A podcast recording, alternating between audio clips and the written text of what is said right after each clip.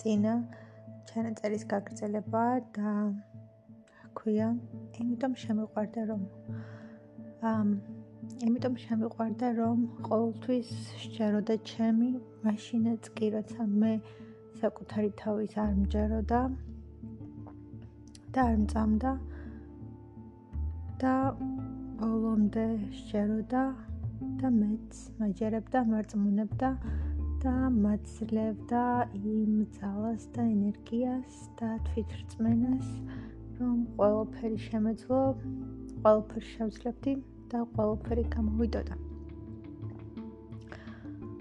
აა და ხომ, მაშინაც კი შეეროდა ჩემი, როცა მე საკუთარი თავის საერთოდ არ მიჯეროდა და იმდენად სწამდა ჩემი და ჩემი შესაძლებლობების რომ ყოველთვის უფრო მეც ხედავდა ვიდრე შეიძლება მე. იმიტომ შემიყვარდა რომ ზუსტად ისეც ხედავდა როგორიც ვარ და ზუსტად ისეც მიიღებდა როგორიც ვარ. და ზუსტად ისეთი ვიყარდი როგორიც ვარ. შემიყვარდა იმიტომ რომ ზედმეტად ძალიან ძალიან ვიყარდი და ეს სიყვარული უბრალოდ განზომელი და უსაზღვრო იყო მისი მხრიდან და და იმიტომ რომ ზუსტად ისეთი ვუყვარდი და მოწონდი და მიიღებდა როგორიც ვარ და ვიყავი. და შემოყვარდა იმიტომ რომ მას მართლა ძალიან ვუყვარდი ვუყვარდი მე მე ისეთი როგორიც ვარ და ყოველთვის მიიღებდა ისეც როგორიც ვარ. ყოველთვის მისმენდა და ესმოდა ჩემი ზუსტად ისე როგორც გულისხმობდი, ზუსტად ისე როგორც ვამბობდი და რასაც ვაუბნებოდი და ხშირად მიღმა ამის მიღმაც ხედავდა ძალიან ბევრ რამეს თუ რას გულისხმობდი ან რისი თქმა მინდოდა და უმეტესად უმეტესად უსიტყვოდ ესმოდა ჩემი. ისე შემეძლო მელაპარაკა მასთან, როგორც საკუთარ თავთან და ბოლომდე გახსნილი ვყოფილიყავი მელაპარაკა როგორც საკუთარ თავთან და არ მქონოდა იმის შეგრძნება, რომ რაიმეს ვერ მიიღებდნენ ან ვერ გაიგებდნენ ან რაღაც გაუგებარი დარჩებოდა. შემიყვარდა იმიტომ, რომ ყოველთვის ჩემთან და ჩემ გვერდით იყო, ყოველთვის ჩეროდა და სწამდა ჩემი ყოველთვის მომხნევებდა და ძალას მაძლევდა ყოველთვის მისმენდა და ყოველთვის საუკეთესოს ცდილობდა ჩემთვის და ყოველთვის ცდილობდა რომ საუკეთესო მოეცა და საერთოდ ყოველფერი გაეკეთებინა რაც შეეძლო. საერთოდ ყოველფერი ყოველფერი და უბრალოდ ყოველფერი უბრალოდ საერთოდ ყოველფერი ყოველთვის სჯეროდა ჩემი და სწამდა ჩემი. მოსწონდა ყველაფერი რასაც ვაკეთებდი და გულწრფელად მოსწონდა ყველაფერი რასაც ვაკეთებდი და უყვარდა ყველაფერი ჩემში საერთოდ რასაც ვქმნიდი და ვაინტერესებდი მე და ინტერესებდა ყველაფერი ჩემი. აინტერესებდა ყველაფერი რასაც ვაკეთებდი, როგორც ვაკეთებდი, რაც მინდოდა და ყოველთვის ინტერესდებოდა ყველა ჩემი და ნებისმიერი ინტერესით. ყოველთვის უნდოდა რომ ისიც იყოფილიყო, სადაც მე ვიყავი და იმ ყოველფრის ნაწილი ყოფილიყო და ბოლომდე შეგრძნო და გაეზიარებინა ის ყოველფერი, რაც მე მაინტერესებდა ან მომწონდა. ყველაზე მთავარი ალბათ ის არის, რომ ყოველთვის შეეროდა ჩემი და სწამდა ჩემი და ხშირად შეიძლება გადამეტებულად და გადამეტებულად ამაღლებული წარმოდგენები ჰქონდა, ყოველთვის იყო და იდგა ჩემ გვერდით და საერთოდ არასოდეს არ დაუტოვები ვარ მარტო, ყოველთვის მისმენდა და ყოველთვის ცდილობდა გაეგო ჩემი საჭიროებები და ჩემი მოთხოვნები ან ჩემი სურვილები. და ყოველთვის ცდილობდა ნებისმიერი ძალით, ნებისმიერი გზით და ნებისმიერი ხერხით, რომ ის ყველაფერი გაეკეთებინა და მოეცა ჩემთვის, რაც მინდოდა ან მჭირდებოდა. ყოველთვის უგრძნობდი მის თანადგომას და ყოველთვის უგრძნობდი მის მხარდაჭერას, ყოველთვის უგრძნობდი რომ ჩემთან იყო და ყოველთვის უგრძნობდი რომ მ ჩემ გვერდით იყო დაინტერესებდა საერთოდ ყველაფერი ჩემი და ყოველთვის ცდილობდა რომ გვერდით დამდგომოდა და დამხმარებოდა და ყოველთვის ცდილობდა რომ წვლილი შეეტანა ჩემს წარმატებაში, ჩემს წინსვლაში და ძალიან დიდი როლი შეასრულებინა ჩემს განვითარებაში, ჩემს წარმატებაში და წინსვლაში და იმაში, რომ რაც შეიძლება მეტი მიმეღო, მეტი გამეკეთებინა და რაც შეიძლება მეტად წარმატებული ყოფილიყო. ყოველთვის იგებდა, ყოველთვის ესმოდა ჩემი და ყოველთვის ჩემ გვერდით იდგა.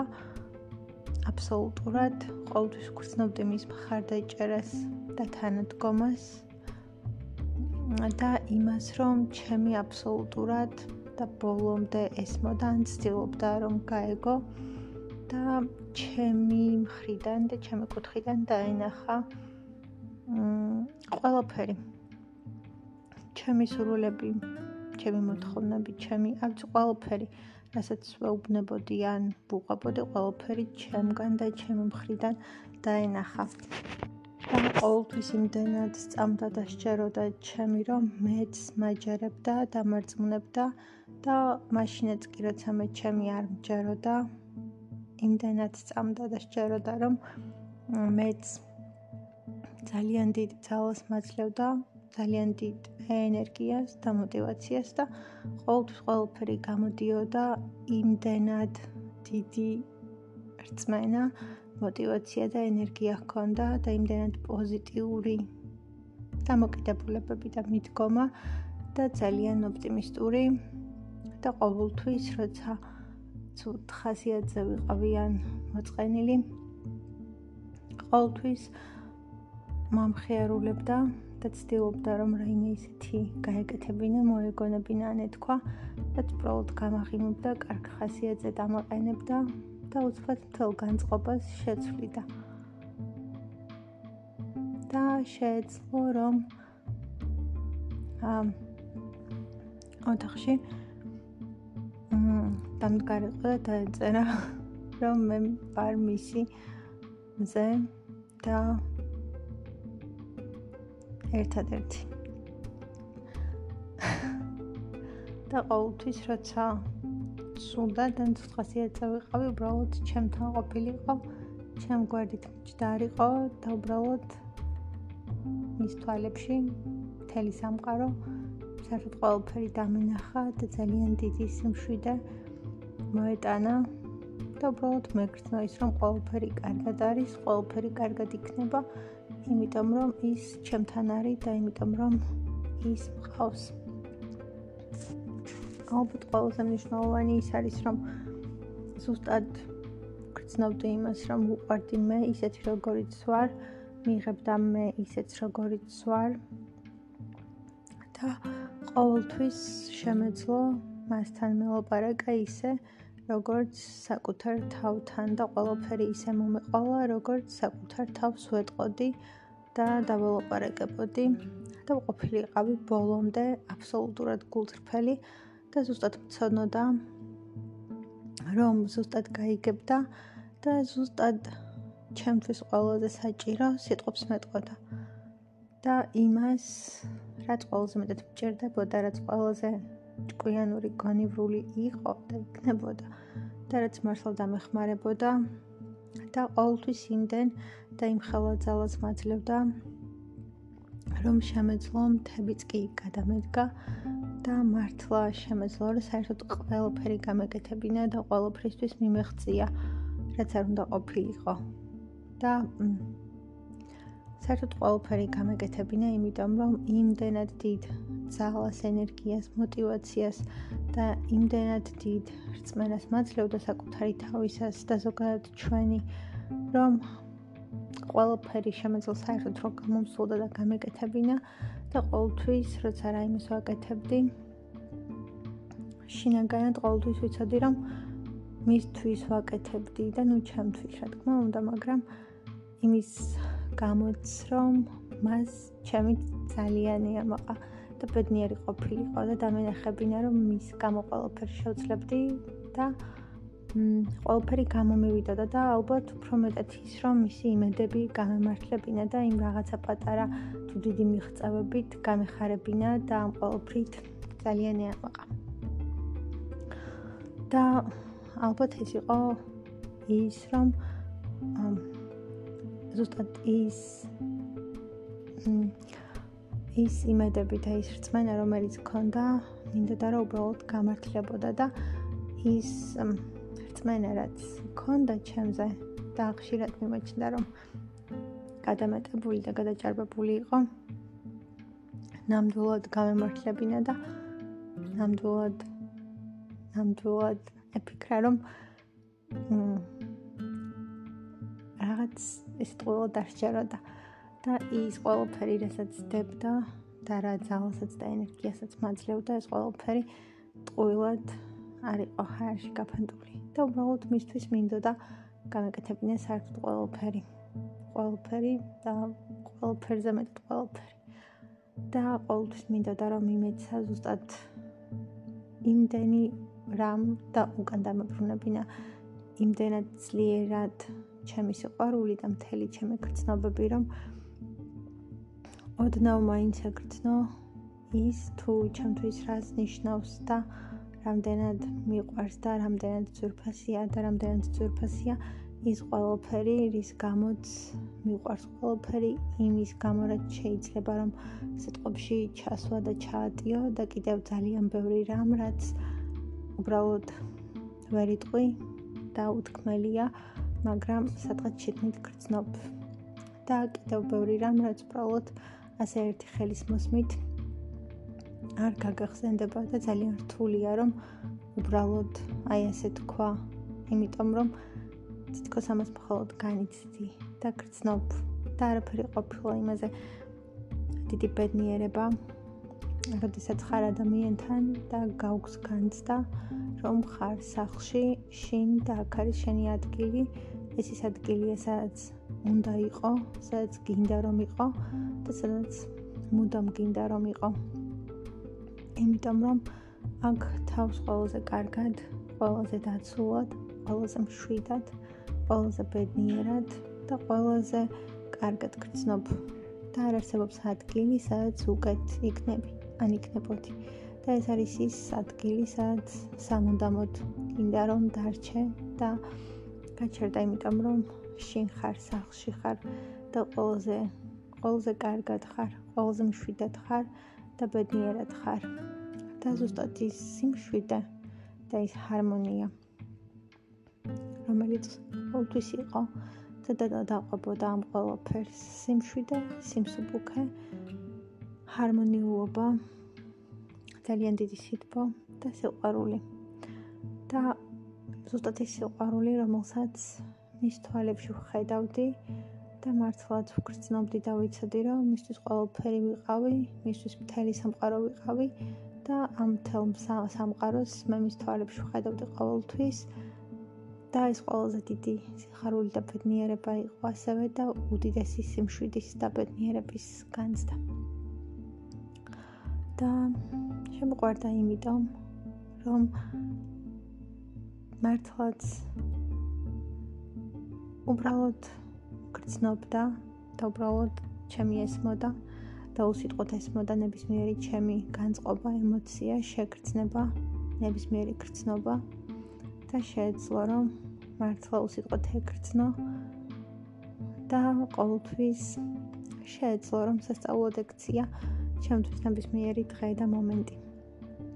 და ერთი უბრალო ჩვეულებრივი დღისგან უბრალოდ მართლა სასწაული მოეცა და სასწაული გაეკეთებინა. სასწაული შეექმნა და უბრალოდ არ ვიცი რაღაც ერთი ჩვეულებრივი დღე ყველაზე ტკბილ, ყველაზე ჯადოსნურ და ყველაზე გასაოცარ დღეთ ექცია და ისეთი დიდი სიყვარული და სიტყვა და არ ვიცი ყველაფერი ჩაედო რომ ეს დღე დაუვიწყარი გამხდარი იყო და ყოფილიყო. და მართლაც რაღაც სასწაული შეექმნა ყოველფრისგან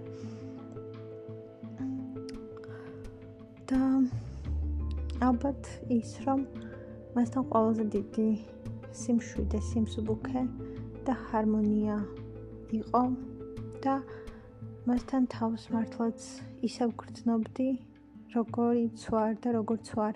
და ზუსტად იმას ვგრძნობდი, რომ შემეძლო ყველაზე მეტად ყოფილიყავი ის, ვინც ვარ და როგორიც ვარ, არ მეთამაშა და არ დამემალა რაიმე.